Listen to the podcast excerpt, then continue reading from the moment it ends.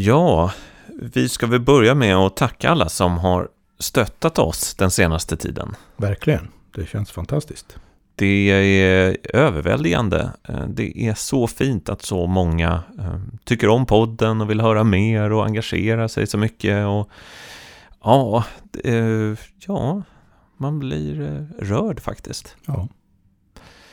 Och ja, jag tänkte väl att vi framöver här, vi får väl inleda lite varje eh, program med ett sånt här litet försnack där vi bara kort nämner att det går alltså att stödja oss via Patreon och Swish. Just det, och Patreon-adressen är då patreon.com, patreon.com, snedstreck myter och mysterier.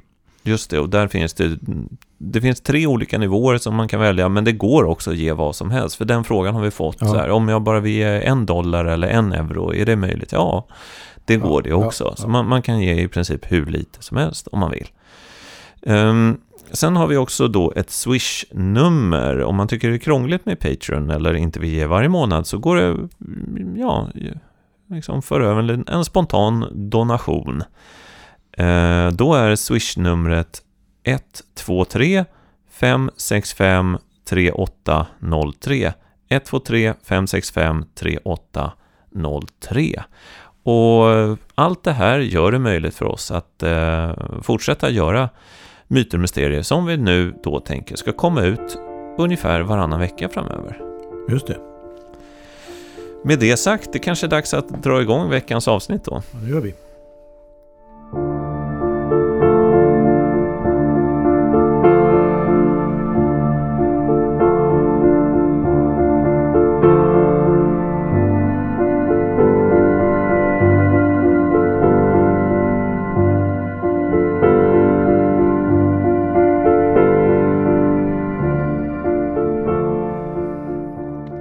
Under flera år så har jag eh, fått en eh, fråga som handlar om myter och mysterier. Det är ett ämne som olika lyssnare har fört fram och sagt varför har ni inte gjort någonting om det här? Är det inte dags snart för det här?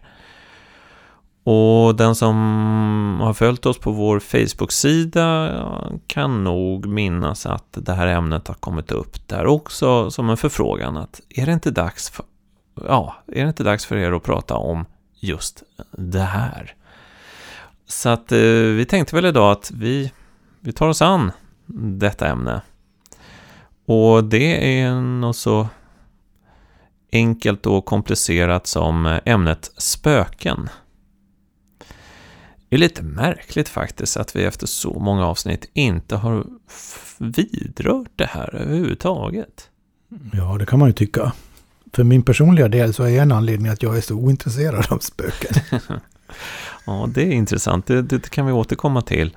Jag tänkte att jag skulle eh, inleda med en lite kort historia om en vän till mig.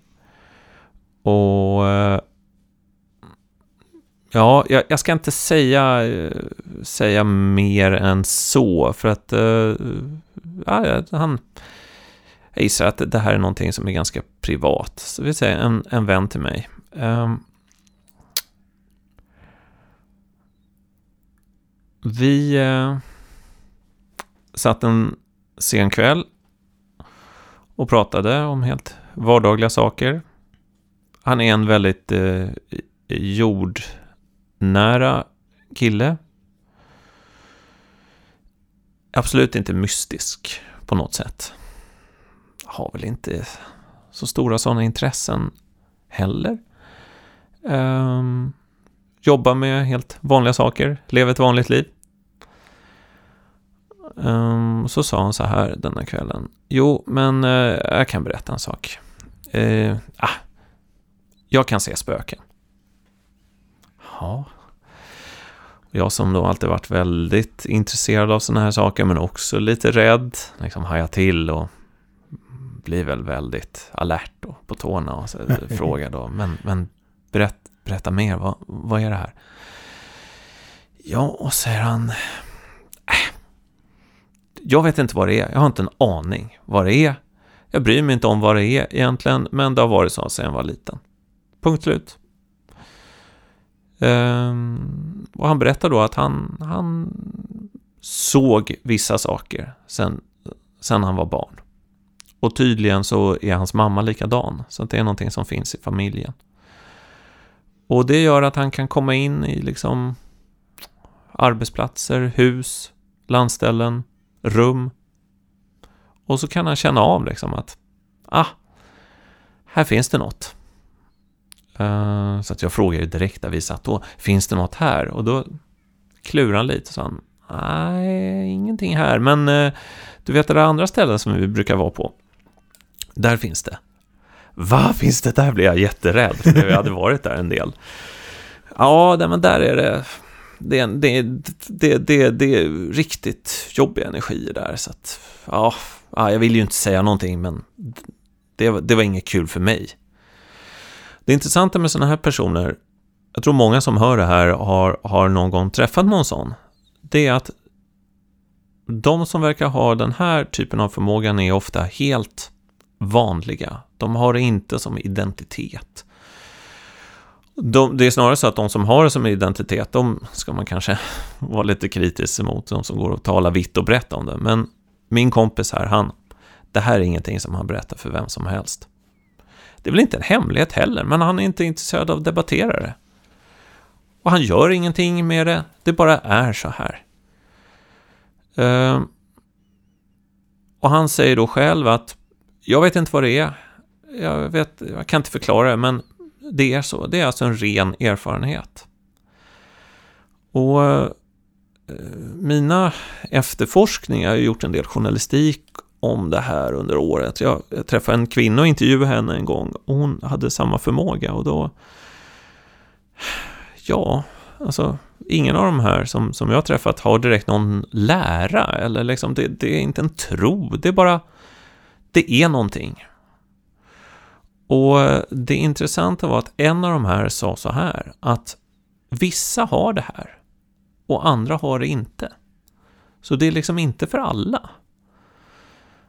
Och eh, det där eh, kan ju då vara om, om, man, om man lyssnar på det här och är lite rädd för att oh, hjälp, jag skulle vara rädd att möta ett spöke men jag har aldrig sett något. Då kan man väl kanske pusta ut då, för då kanske man inte har den förmågan. Sen, och det kan ju vi nysta i lite också, vad det här är, det... De här personerna har inte vetat det. Alltså är det, är det enbart någon typ av inre upplevelse? Eller är den helt extern så att om de hade haft en, en filmkamera med sig så hade de kunnat filma det som de såg? Eller är det någonting i gränslandet där eller? Är det döda personer? Är det något annat? Alltså det, det har ingen av de här jag, jag träffat kunnat svara på. Men de har berättat om en erfarenhet. Och med en lite eh, trubbig term så skulle man kunna kalla det för en erfarenhet av spöken. Och eh, ja, vi, vi kan väl börja där då. Vi har ju det gamla svenska begreppet eller ordet synsk. Mm. Det är synska personer. Mm. Får jag bara fråga först. Uh, han sa att han kan se spöken. spöken. Vad mm. betyder se? Mm. Det är en bra fråga. Uh, jag som jag minns det så... Um, man säger så här. Jag är inte helt säker på att han såg dem. Han kände dem. Han kunde liksom säga, nej, nu är de här. Förstår du? Ja. Jag är inte säker på att just han såg dem, men den här kvinnan som jag intervjuade i ett program som heter Livet och döden som sändes i P1 Eh, hon, hon såg dem. Eh, och eh, i hennes fall så var det så pass påtagligt att hon som barn ryckte liksom sin mamma i kjolen och sa Varför står de där människorna där borta? Ja, ja. Och mamman bara, sluta larva dig, det står ingen där borta. Och hon, den här kvinnan trodde ju att hon var galen. Mm. Hela sin barndom trodde hon att hon var galen. Och sen träffade hon andra i tonåren som, som hade samma då, erfarenhet. Och då förstår hon, ah, det är något annat liksom. Jag hade själv en vän för många år sedan som var väldigt synsk. Och som också bokstavligen såg så som hon då tydligen gjorde, alltså gestalter Mm. som var närvarande. Jag hade en annan vän också som, som gjorde det lite mer tillfälligt emellanåt. Sen finns det ju de...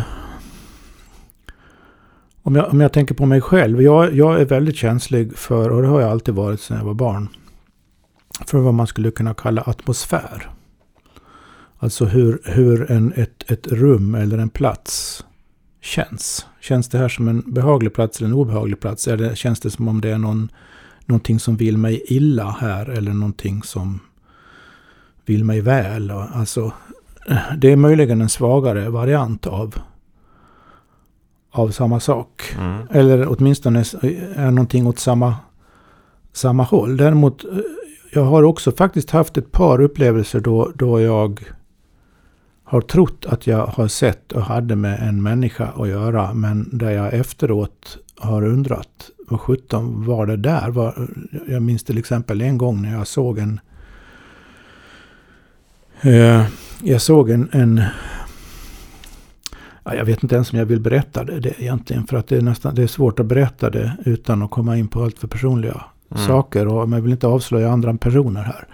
Eh, Men, men eh, för att uttrycka det lite halvabstrakt. Mm. Det är ett par tillfällen då jag har alltså sett en person som i det första ögonblicket har, har jag, jag har reagerat särskilt på den här personen. Det var något väldigt, väldigt speciellt med den här personen.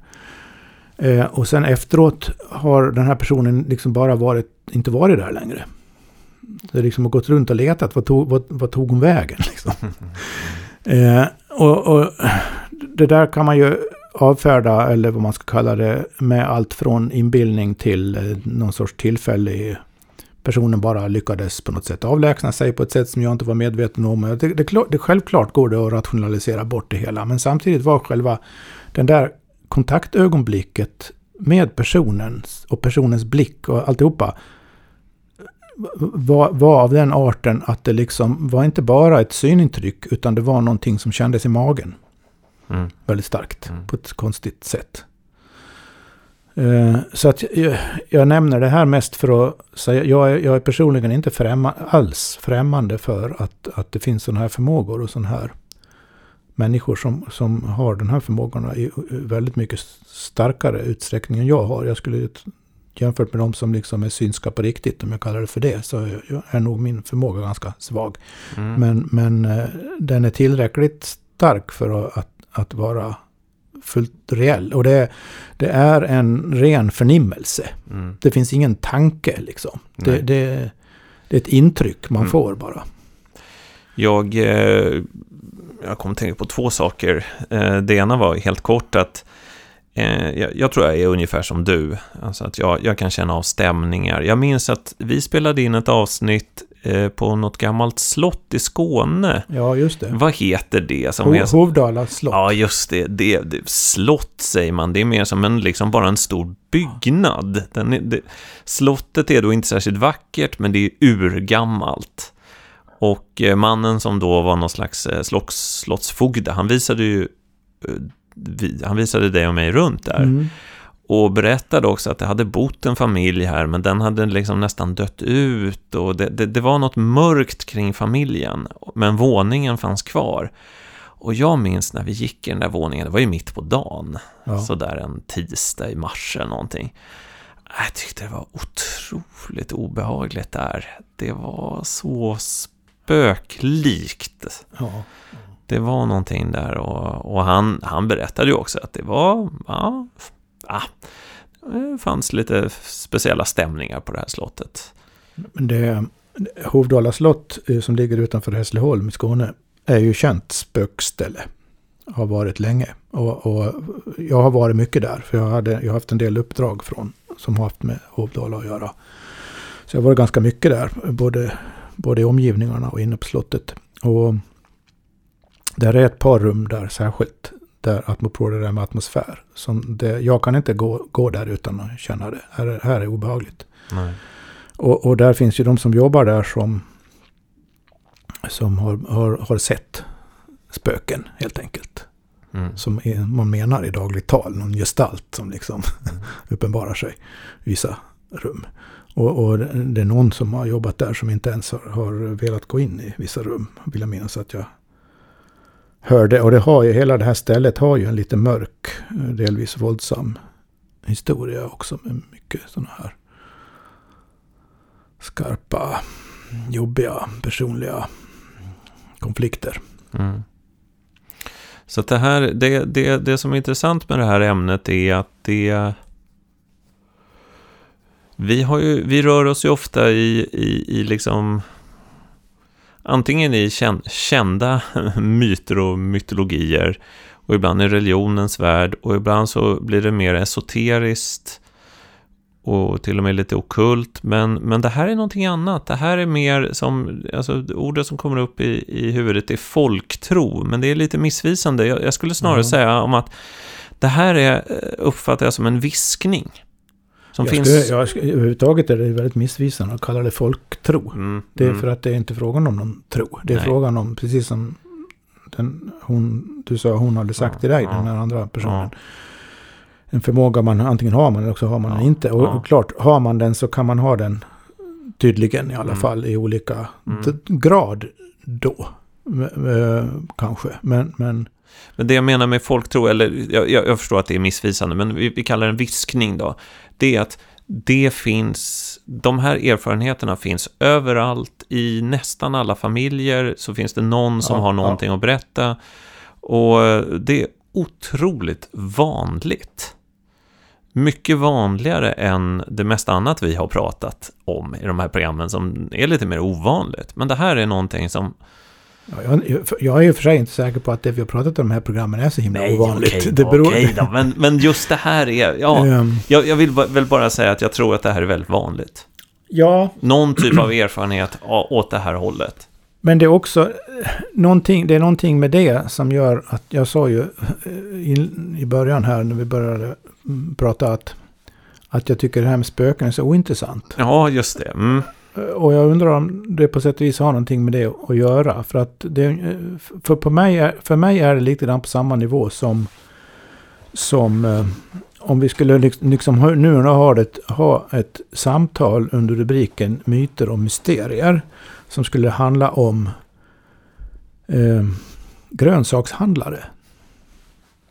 Så, så liksom, det är bara vissa människor som kan se grönsakshandlarna. Alla ja. andra liksom, de ser kanske grönsakerna, men de ser inte grönsakshandlarna. Det är Nej. något mystiskt med de där grönsakshandlarna. Mm. 17 har de, hur, vad är det för en sorts varelser egentligen? Det, eh, och det låter ju helt absurt såklart. Och för mig är det lite så med spöken också. För att om, om, om det är inte tillräckligt. Det, det, finns egentligen för mig ingenting särskilt mystiskt med det. Utan det är bara en del av, det är en, det är en del av världen. Liksom. Jag, tror, jag tror att ett intresse, ett intresse för spöken har att göra med att man i grund och botten både tror och inte tror att det kan finnas. Alltså att om, om, man, om man helt oväntat ser ett spöke, eller om man hör talas om spöken, och så, och så det är någonting som bryter mot den vanliga, moderna, liksom inlärda verklighetsuppfattningen mm. på, ett, på, på ett väldigt påtagligt sätt. Och det är det som är intresset. Då blir man liksom inte så ja men världen kanske, alltså det, det kanske inte är så här materiellt och på, alltså det kan, mm. världen kanske är mycket mer annorlunda än, än, än man tror. Det, jag tror det är mycket den fascinationen som, som driver ett intresse Ja, det tror jag för också. spöken. Jag och om man redan ibland... som jag då redan liksom är fullständigt klar över att världen är verkligen inte vad den synes vara. Då, då, är liksom, då är spöken i sig inte intressantare än allt annat som finns i världen. Nej, jag förstår. Jag, jag, jag ibland så är jag nog den där eh, första kategorin där, att jag tycker att det är spännande. Eh, just av den anledningen. Men jag tycker också det är spännande att historierna dyker upp från, från personer som där det eh, inte alls har med deras identitet i övrigt att göra. Ja, men såklart. Så, Vilket och, och, bara stärker tesen att det är en fråga om en förnimmelse av någonting som finns. Visst, visst. För det vet ju du också, att vi har ju träffat på sådana som har det här med det andliga väldigt mycket som sin identitet. Ja. Och liksom de eh, ja, går att tala vitt och brett om det. Och då blir man lite mer absolut, misstänksam. Absolut, liksom, absolut. Att, men, men där, gör någon sorts lära av mm, Exakt, men, men om det är någon som som, eh, ja, man, man fattar inte alls att det här finns. Och så plötsligt så en sen kväll så berättas det. Då, då hajar man ju till. Ja, jo, visst. Men vad tror du då att... Vad är det för något? Ja, vad, vad, det, ja. För det är ju lite intressant att det finns väldigt många olika sätt att gå in i det, men, men eh, det, så här mycket kan man säga att den, den här idén om spöken, om vi använder det lite barnsliga ordet, eh, det, det verkar ha funnits i alla tider och på alla platser. Absolut. Det är Det är, väldigt det är utbrett. helt fullständigt nor- normalt. Ja, det, det är ja. lika normalt som alla andra djur och växter som finns ungefär. Ja, ja, ja, historiskt sett så är det ju så. Ja. Absolut. Mm. Så det är inget konstigt alls Nej, egentligen. nej. Så det, det är egentligen bara den här moderna kulturen Ja. som det är konstigt. ja, ja. Återigen, eller vi som är Ja. lite konstiga. Mm, mm. Mm. Ja, vad är det? Ja, eh, det har jag väl i och för sig funderat en, en, en en del på. Liksom jag har funderat på mycket. Men ehm, det enklaste nästan där tror jag är att gå tillbaka till varför inte fornordiska föreställningar. Som man väl har kunnat klargöra någorlunda. Någorlunda. Det, är- vi, vi har ju en uppfattning om, om man börjar i i den, ren, vad ska man säga, den här riktigt moderna materialistiska uppfattningen så, så tänker man ju sig där att själen, medvetandet är någonting som uppstår ur kroppens funktion. Fysiska funktion. Det vill säga när ett fysiskt system blir tillräckligt komplicerat, eller komplext rättare sagt, tillräckligt komplext så, så uppstår liksom medvetandet som någon sorts effekt av det.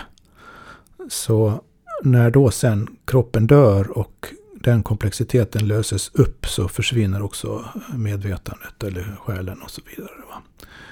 Det, det är den så att säga hårdnackade materialistiska synen. Sen har vi i kristen föreställningsvärld så är det ju annorlunda. Där, där tänker man att människan har en, en evig själ men denna själ lever bara en gång i en kropp. Så det är lite halvmaterialistiskt på ett sätt ju. Ehm,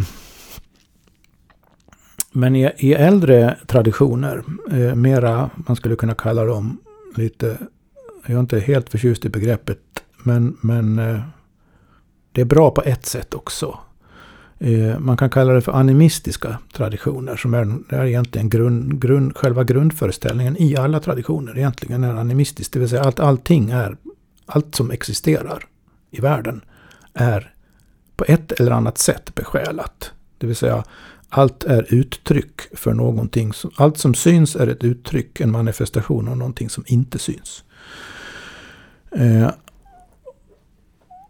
så det blir egentligen ingen skillnad. Saker och ting Ja, eh, saker och ting är inte bara vad de synes vara, utan det finns liksom en, en, en, en dold sida i, i allting. Och denna dolda sida kan olika personer förnimma mer eller mindre tydligt då. Så som vi har sagt apropå spöken nu här då. I äldre föreställningar, både i fornordiska sammanhang, i gamla Egypten har vi pratat om, eller man kan ta vilken del av världen som helst, Indien eller Japan eller Kina. All, eh, eller bland olika så kallade ursprungsfolk. Alla de har ganska likartade föreställningar om det här. Och mera komplexa, intressant nog, mycket mera komplexa föreställningar om det här som vi kallar medvetande eller själ eller någonting. Eh, för, för att man urskiljer nämligen olika nivåer eller olika eh, sorter, eller ja, olika nivåer kanske man ska säga. Eller det är som om en människa, för det är människor vi pratar om här nu då först och främst. Eh, en människa är sammansatt av olika andar, skulle man nästan kunna säga. Som har, har lite olika karaktär och Eh, är inte helt, de är liksom halvseparata från varandra. De är, så länge vi lever i våra, på, i våra kroppar på vanligt vis, så är de, går de in i varann. Men de är lite separata från varann också. Och om man börjar lite, eh, lite generellt och säger så här. Vi, vi tänker oss ju att ju mer materialistisk man är, desto mer tänker man så här. Men även om man kanske inte är särskilt materialistisk, så tänker man kanske spontant så här i alla fall. Nämligen att vårt medvetande följer med kroppen hela tiden. Liksom. Och, och så, riktigt så tänkte man ju egentligen inte i de här äldre, eller annorlunda tänkesätten. Utan där, där kunde man mycket väl eh, föreställa sig att Jo, visserligen så håll, hänger anden, om vi kallar det för det nu då, eh, ihop med kroppen. Men den kan också vara vid sidan om kroppen. Den kan gå före kroppen. Den kan bli kvar på ett ställe om kroppen har förflyttat sig för fort till exempel. Så blir Det, alltså, det, kvar det här på är vanliga ställe. livet. Det här är inte bara när man är död. Nej, nej, det här är vanliga livet. Ja, ja. Eh, och den kan vara samtidigt i oss och ut, utanför oss och så vidare. Så att den hänger ihop, det hänger ihop med kroppen men den, den är inte begränsad bara till kroppen. Den kan, den kan uppleva saker som, i, i, som rent i, i någon sorts fyrkantig upp, världsuppfattning är uppfattas som geografiskt eller eh, separerat. Liksom kan, kan erfara saker på... Jag vill minnas att i något program så berättade du om en, en grupp eh, amerikanska indianer som eh, befann sig i några förhandlingar eh, med amerikanska regeringen och skulle Ja. åka tåg till Washington.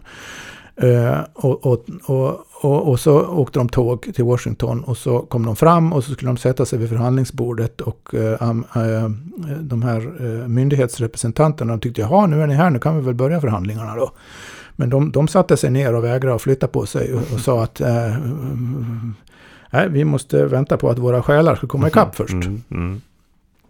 Det där är ju ett uttryck för den- den här annorlunda verklighetsupplevelsen då. Av att själen är, visserligen hänger ihop med kropparna, men själen har lite andra möjligheter än kroppen i sig har. Så att säga. Det där, jag, jag håller på att flytta just nu och byter lägenhet. Och det, är, det är en ganska smärtsam process för en sån som mig. Jag tycker ju då att min själ är kvar i den gamla lägenheten. Ja. Det, och det kanske den är på något sätt. Och jag Alltså, undrar om, om inte, om, för att hur man, hur man, vad man förmår uppfatta och tänka på här har väldigt mycket att göra med hur man, vad man uppmärksammar. För jag undrar om, om jag säger så här, så undrar jag om inte många egentligen känner igen sig. Som inte alls är intresserade av varken spöken eller andar eller olika själar eller någonting av det här vi pratar om. Men känner igen sig i det här att, säg att man har varit det kanske räcker med en vecka, men det kanske behövs för många en längre tid. Men säg att man har varit på en riktig semester och liksom verkligen varvat ner, kommit in i någon sorts lugn, hitta tillbaka till sig själv. Och så åker man hem. Och så, man kanske flyger hem eller man åker bil några timmar eller någonting. Och så, och så är man tillbaka i sin vanliga vardag och så ska man börja jobba och så träffar man kompisar och kollegor och och, och sen eh, eh, ett par, efter ett par dagar så märker man, jag känner man, ja men jag är kvar där där jag var. Jag är kvar på det där andra stället där jag liksom var mer av mig själv och sådär. Eh, är inte det att man då faktiskt är- det?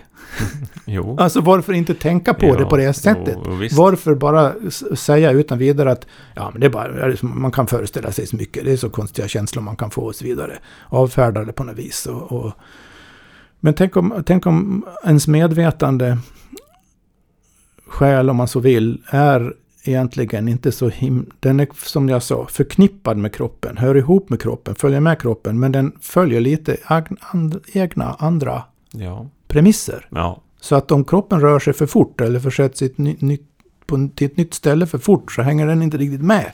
Jag, jag, jag kan säga en personlig sak där som jag kom på nu, men som i mitt liv är väldigt sann. Och det är att det finns ju den här, det är också en gammal eh, föreställning och i den moderna världen har man skrattat lite åt det här. Och det är att eh, det fanns många folk, kanske finns än idag, som, som inte vill bli fotograferade. Mm. För de tänker att nej, då fastnar min själ på, på, på filmen där. Och, och den vill inte jag ge iväg. Jag som jobbade ett tag med att göra tv. Eh, jag upplevde som att min själ försvann. In i någonting. Ja, Jag blev tömd Ja. på ett sätt som jag inte blir av att göra radio. jätteintressant. Eh, Så att av någon anledning, i alla fall i mitt liv, så, så förlorar jag då inte min själ genom att tala. Eh, kan kännas som att jag förlorar delar av när jag står på en scen, men inte när jag sitter i en radiostudio.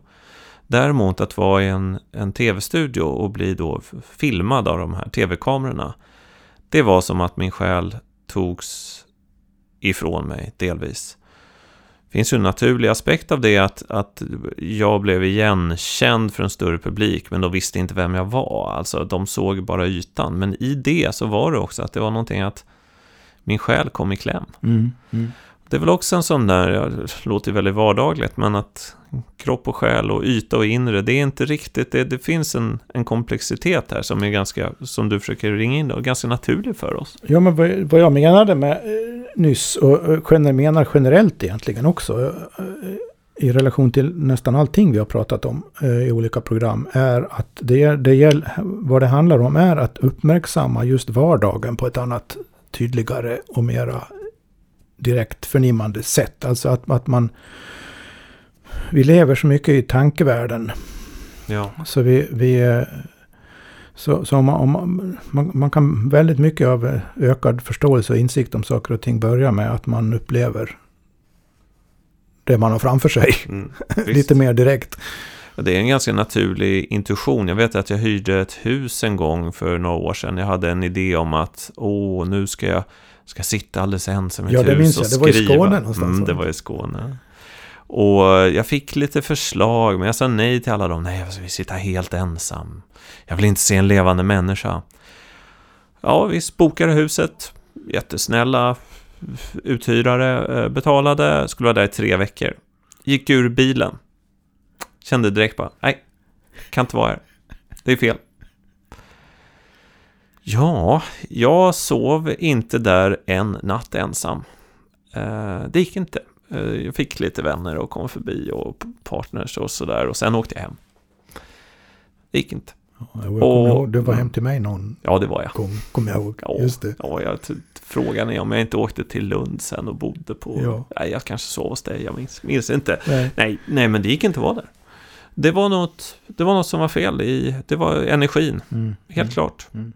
Var, och det intressanta är att det, det finns ju en, eh, nästan en estetisk aspekt här. Alltså, det här slottet i Skåne vi pratar om, det är ju lite murrigt och Ja. usch, det ligger Ja. liksom fel på något Mm, sätt. Och mm. så var det med det här huset också. Det låg nära havet men precis bakom en kulle. Så att, eh, så att man inte såg havet. Och sen så var det liksom vänt mot norr och det fanns en lada bredvid som, var, eh, som hade nästan fallit ihop. Och det, det var liksom sådana yttre saker också. Mm. Men en känsla nästan i luften när man kom in i, i huset att nej, nej, nej. Och det hade, på bilderna såg det så bra ut. Men det Ja, var inte det. Ja, nej, ja. nej men det, det, det talar ju till det här verkligen. Men om vi återgår då till, eh, apropå vad spöken är och det. själens Just det, eh, just det. i och för sig sammanhörande men ändå någon sorts konstigt oberoende av, av kroppen. Eh, I, i, vi gjorde ju ett program i Människan och Maskinen-serien som heter Själen. Ja, just det. det är Där länge vill jag minnas att vi pratade om den egyptiska föreställningen. Gamla, Mm, gamla egyptiska vi. föreställningen. Mm. Alltså den som, den som vill höra någon, några ord om det kan ju lyssna på det programmet. Jag ska inte upprepa det nu. Vad jag tänkte ta upp nu är den fornnordiska motsvarigheten. För där urskilde man fle- ett flertal olika sådana här Eh, delar av det kroppsliga andliga livet. För att det, det fanns ju ingen dualism här. Man skilde ju inte mellan, man, det var inte själ å ena sidan och kropp å andra sidan. Utan det var snarare en sammansatt, sammansatt varelse som bestod av olika delar. Och de här delarna hade ol, olika namn. Eh, så det fanns en del som hette likamr. Där, det har, måste ha med vårt ord lekamen att göra. Det var själva kroppsfunktionerna. Så var det en del som hette hamr. En, eh, som var ens fysiska manifestation kan man säga. Alltså vad andra ser. När jag ser dig nu så ser jag din hamr. Och så fanns det huger. Eller huger. En, som är per, själva personligheten eller karaktären. Mera mentalt sett. Men alltså den själva eh, känn, djupaste karaktären hos en person. Huger. Den eh, har möjligen någonting att göra med ordet håg. Mhm, Slår mm, det mig. Mm, mm. Eh, det är en gissning dock. Eh, den här kan under vissa omständigheter, om jag minns rätt nu, eh, återfödas. Alltså ens karaktär kan återfödas som samma karaktär. Eh, senare då, efter döden med andra ord. Eh, i en ny person. Och sen finns det något som heter munr.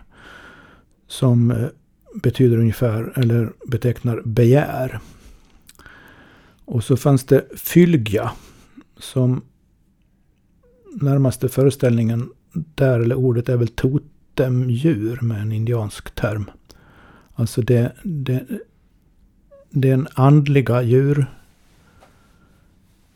Det är mera... Eh, vad ska man kalla det? Skydds, en skyddsande i djurform möjligen. Mm.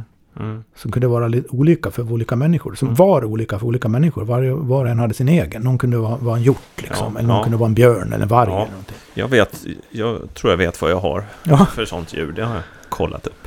Eh, och, och sen har vi till sist Haming, jag är inte helt säker på det uttalas här, men ha, Hamingja, eller Hamingja. Eh, som är ens lycka kan man säga, ens inneboende framgång. Alltså ens lyckosamhet som en särskild del av en som kunde vara bra eller dålig då. Man kunde vara född med en dålig Haminja. Ehm, och det här är på sätt och vis knutet till Huger. Ehm, så det både orsakas av och bidrar till Huger. Så det har med karaktären att göra. Men det har någon sorts, någon sorts egen existens. Och den här är inte enbart individuell då, utan den kan man ge till andra. Och den kan ärvas av släktingar eller reinkarnera i släktingar. Så att det finns, det finns två saker här som kan så att säga återfödas. I, jag kan tänka mig att bara egentligen väldigt starka karaktärer, personer med väldigt stark huger, återföds som samma karaktär. Medan den här ha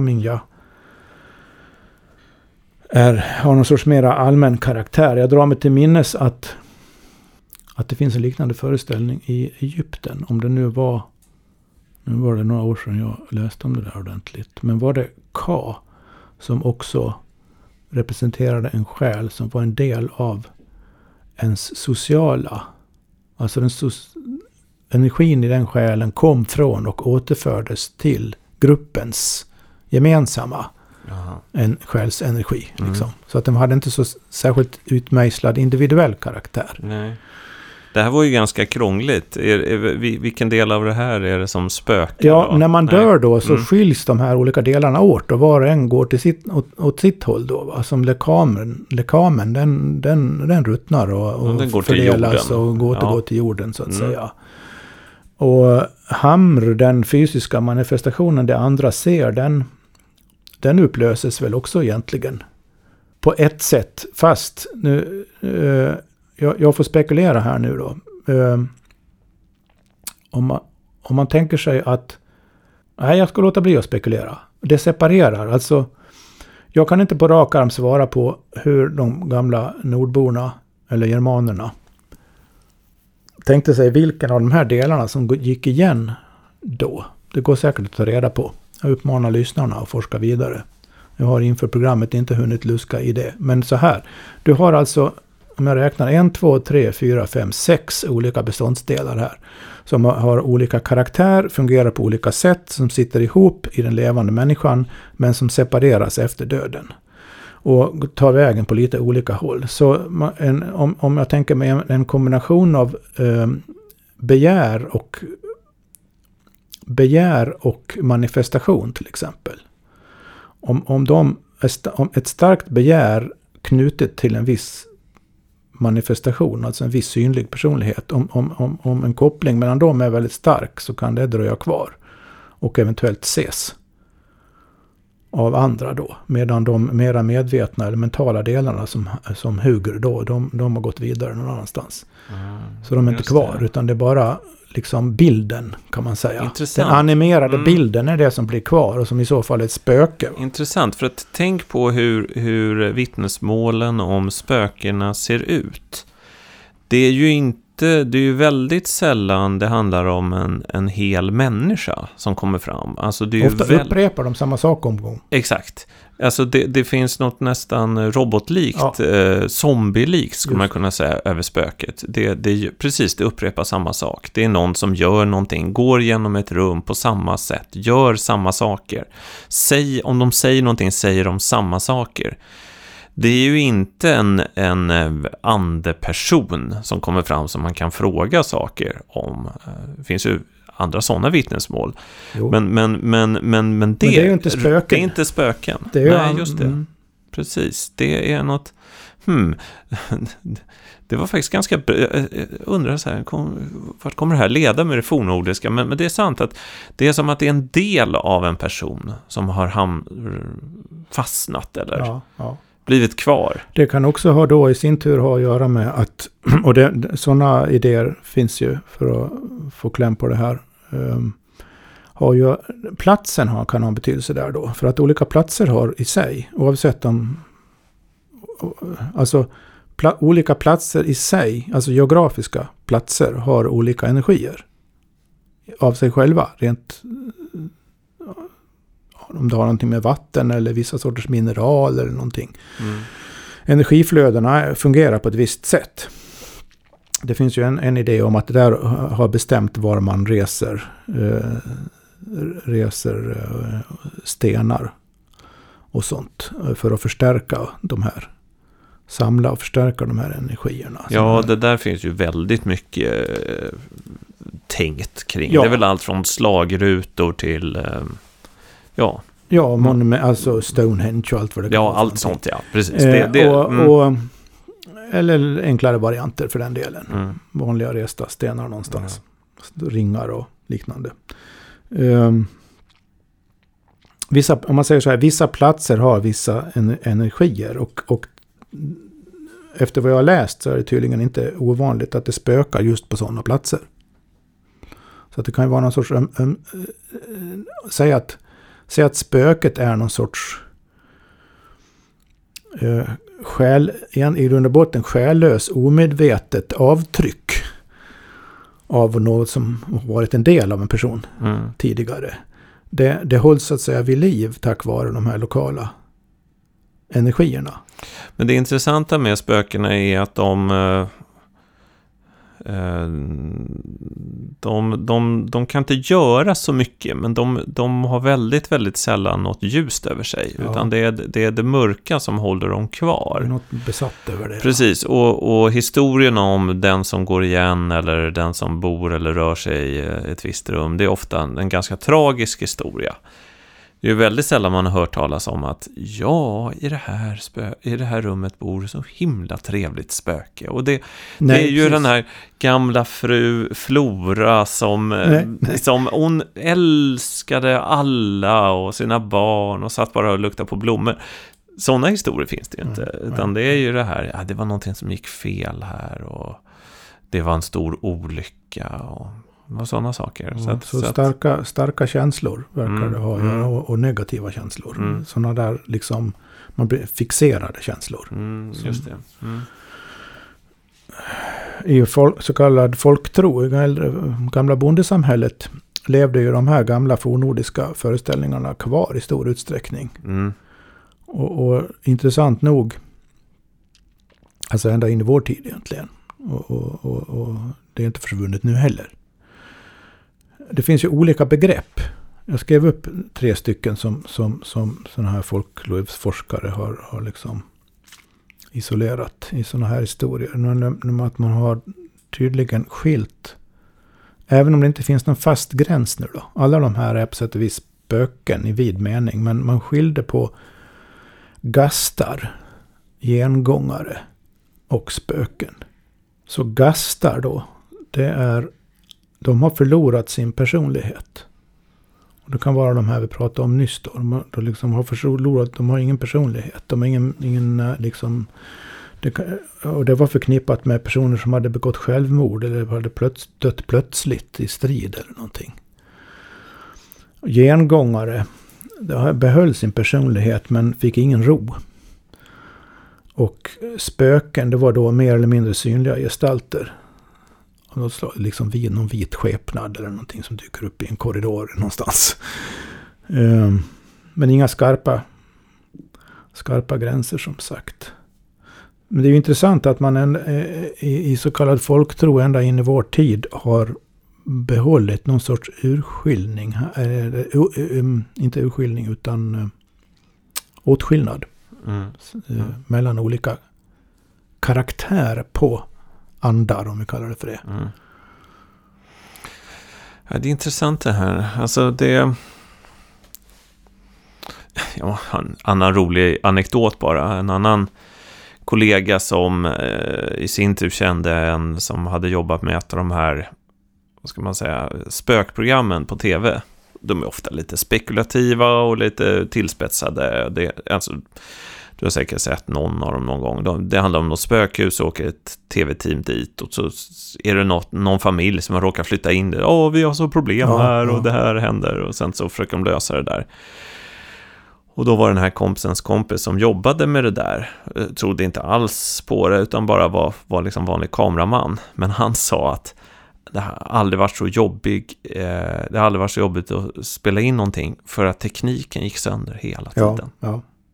Det, ja, alltså det var hopplöst. Mm. Alla kameror la av, mm. Eh, allting bara hängde sig. Alltså det, det var något, så att hans slutsats var, ja, jag vet inte om jag tror på det här, men, men det är i alla fall inga miljöer som är bra för tekniska prylar, för de går sönder. Och det där ja, är ju också en sån där Jag känner igen sådana historier mm, också. Jag har både finns... hört, hört det själv berättas flertal gånger och det, det kan man läsa om. Det är tydligen väldigt vanligt fenomen det där. Det var ju en, nu kommer jag bara på en massa anekdoter här, eh, det är väl för att det är svårt att helt utsvara på vad det här är, men, men, men eh, vi spelade in ett avsnitt i Strindbergsmuseet i Stockholm. Just det. I Strindbergs gamla våning. Och, I hans sovrum till Ja, hans sovrum till och med. Och jag var lite orolig där och tänkte, kommer Strindberg vara, vara arg eller? För att jag hade en, en annan kompis som jobbat mycket med Strindberg-pjäser och sånt och hon sa att det blir alltid något strul när man ska jobba med Strindbergs saker. Det är liksom, han, det är en osalig ande.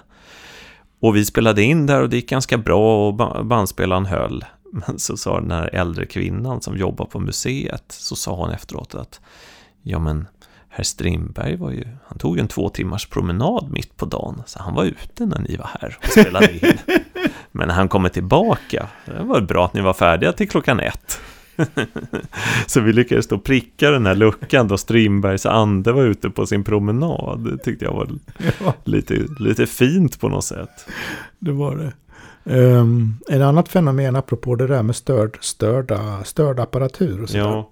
är ju det som kallas för poltergeist. Ja, just det. Det, det är någon tredje, fjärde, det är en till kategori. Ja, det, det är ju då någon, någon, någon sorts, eh, eh, återigen får vi brist på bättre kallar det för ande då, eller energi, som yttrar sig som, eh, det kan yttra sig i mild, i mild form så yttrar det sig som knackningar eller bultanden eller någonting i väggarna eller i taket eller i golvet eller i möbler. Eller något. Lite, lite starkare form så kan det vara saker som flyttar sig. En vas som plötsligt ramlar i golvet som har stått säkert i flera år eh, möbler som flyttar sig. I riktigt allvarliga fall så eh, kan det flyga grejer genom luften. Alltså. Och, och, det här är ganska väl dokumenterat. Det är ingenting jag eh, eh tvivlar på överhuvudtaget att det för, förekommer. Eh, jag har dock ingen... Eh, där, där är ju där finns det också olika idéer. En, eh, man har ju till exempel gjort en, en iakttagelse som har att göra med att det förekommer. Det tydligen, det finns ett statistiskt, påstår vissa i alla fall. Jag har inte brytt mig om att kolla upp det. Men det finns, ska finnas ett statistiskt signifikant samband enligt dessa då mellan eh, tonårsflickor i puberteten och eh, poltergeist-fenomen. Intressant. Ja. ja. Då kan man ju spekulera i vad det är för energier i, i rörelse då. Men det finns också andra, många andra fall som inte har med det att göra utan som tyder på att det har varit någon, ja, om det är någon illasinnad ande som vill störa eller sabotera någonting eller bara skrämmas. Allt sånt här bygger ju på att, att överhuvudtaget kunna tänka på sånt här utan att avfärda det bygger ju på att man har en lite vidare verklighetsuppfattning och en lite annan syn på förhållandet mellan ande och materia och så vidare. Mm. Men man kan ju, för att jag ska kunna närma mig det här tänkandet så, så behöver jag tänka på, vad ska man säga, de saker jag kan se. Och det är ju att jag, jag tycker ändå jag har en ganska bra förmåga att se levande människors själar eller ja, andar. Ja. Uh, och det där är, är någonting, och det, det hänger ibland ihop med sådana här tekniska saker. Du vet, sådana personer som är väldigt, väldigt um, fyllda av motsättningar och starka känslor och det, det finns någonting oförlöst. Och det är ofta saker runt om som går sönder. Ja. Alltså det, det verkar finnas något samband där, att mm, det finns något krampaktigt. Och det, ibland tänker jag att oj då, det är liksom själen som spiller ut lite. ja, eller också attraherar den själen eh, andar av annat slag. Ja, så skulle man kunna säga också. ha lite fest. Mm, mm, så skulle man kunna säga också. Ett, annat, ett annat fenomen som eh, relaterar till hela det här komplexet egentligen, det är ju när om man tänker medier som talar med döda personer. Eller har kontakt på något sätt med döda personer. Det, det var ju väldigt, det förekommer ju fortfarande ganska mycket. Eh, och det var väldigt populärt ett tag på 1800-talet, början av Mm. 1900-talet. Ja, och då var det ju väldigt populärt i de här finare intellektuella, kulturella just, kretsarna. just. Det blev ju sånt. Det var ju sånt som Strindberg höll på med. Ja. Det var ju han, han Han startade liksom Ja. lärda sällskap som The Society for Psychical Research i Storbritannien och sånt i USA. Um, och många kända personer som var med i det där och tyckte det, skrev böcker om det och tyckte det var jätteintressant. Eh, och, och intresset där, det, det- jag tror inte det var någon slump överhuvudtaget att det blev ett sånt plötsligt uppblossande intresse för det där i lärd, mera, vad ska man säga, högre kretsar eller lärare kretsar. Eh, det hade ju, för mig tycker jag det är rätt så uppenbart att det har att göra med den förändrade världsbilden att göra. För att eh, det var en, en, en sorts materialistisk verklighetsuppfattning hade ju verkligen gjort, eh, etablerat sig vid det laget. Eh, slutet på 1800-talet, början på 1900-talet. Och de här fenomenen tyckte strida mot det. Vilket var väldigt intresseväckande i, i sig då. Men i övrigt, eh, för mig är det också helt ointressant. Det, det, det, det, det är ointressant på samma sätt som spöken. Eh, fast på ett än, kanske ännu djupare sätt, på ett sätt. O- Spöken är ointressanta därför att jag kan inte se att spöken är någonting annat än de här envist kvarhängande avtrycken utan något eget liv överhuvudtaget. Som, varför ska man intressera sig för det? Ja, det är Eh, som en skugga bara av ja. någonting. Ja. Och det här med avlidnas andar då. Låt oss säga att det förekommer att vissa avlidna dröjer kvar tillräckligt länge för att kunna kommunicera med något medium. Varför skulle de vara intressantare än vilken annan levande person som helst? Nej, det är sant. Ja. De flesta levande Ja. personer jag kommer i kontakt med eh, kan jag inte föra några intressanta djupare samtal med. Varför skulle jag tro att bara för att någon har dött skulle vara intressantare?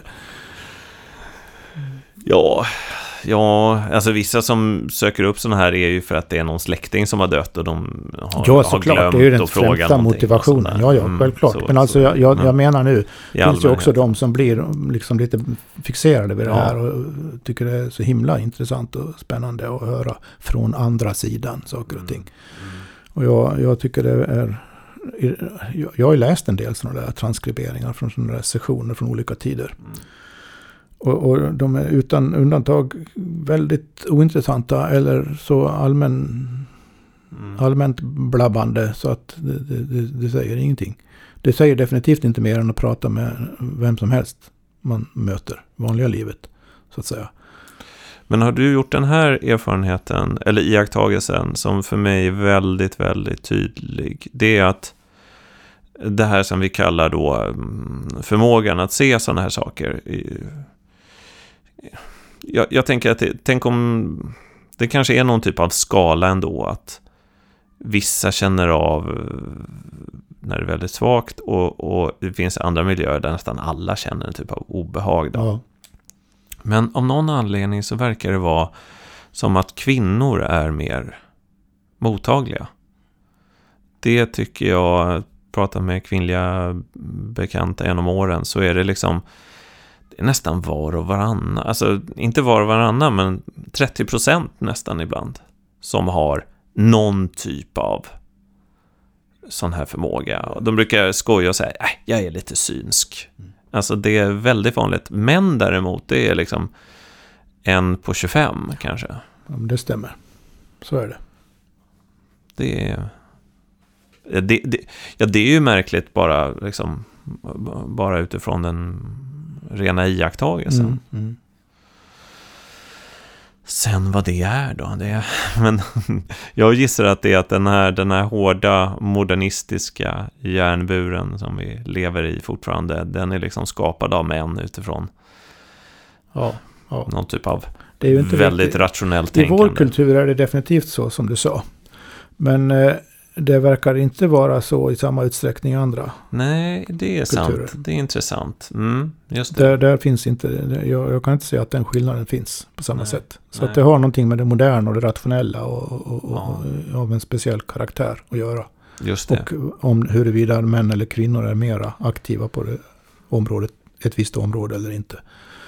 Det finns ju en sån... Så det är ingen inneboende skillnad Nej. nödvändigtvis mellan eh, mä- män och kvinnor. Men, det är, men, men vissa, vissa aktiviteter, vissa tankemönster, vissa inställningar till saker och ting i, i det moderna samhället tycks behärskas av, levas i av män i större del, utsträckning än kvinnor. Det vet ju alla att det är på det viset.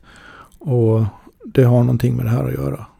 Det finns ju en spännande teori, jag tror inte vi har tagit upp den här tidigare, och det handlar om häxbränningarna på 1600-talet. Att den är liksom en förutsättning för att den moderna världen ska, ska med all dess vetenskap och, och förnuftstro, och att den ska kunna sjösättas. Mm. Eh, eh, och de, den, teorin är ju väldigt radikal, och den är att de som brändes var häxor. De behövdes. Det var ett sätt att, att eh, för männen då framför allt att ta sig in på de traditionella kvinnliga områdena. Som handlar om sånt med hälsa och eh, eh, kroppen och eh, mediciner och sånt. Och sådana här saker förstås. Och ah, det vet ju alla att häxprocesserna var förfärliga och, och, och jättemånga oskyldiga eh, strök med. Men ja, jag tycker ändå det är något lockande i att det, liksom, det var något det, det, var, det, var, det var en, eh, en kamp då som, som kvinnorna förlorade där. Att det fanns någonting som rensades bort. Det började ju redan eh, på medeltiden med eh, inkvisitionens olika stadier och manifestationer. Eh, som hade, att göra, som hade, hade sitt ursprung i att, att man på logisk rationell grund utvecklade, utarbetade i detalj vissa kriterier för eh, vad som var avvikande från, från den rätta tron. Och det där eh, med varierande framgång började man tillämpa då någon gång på 1200-talet på allvar.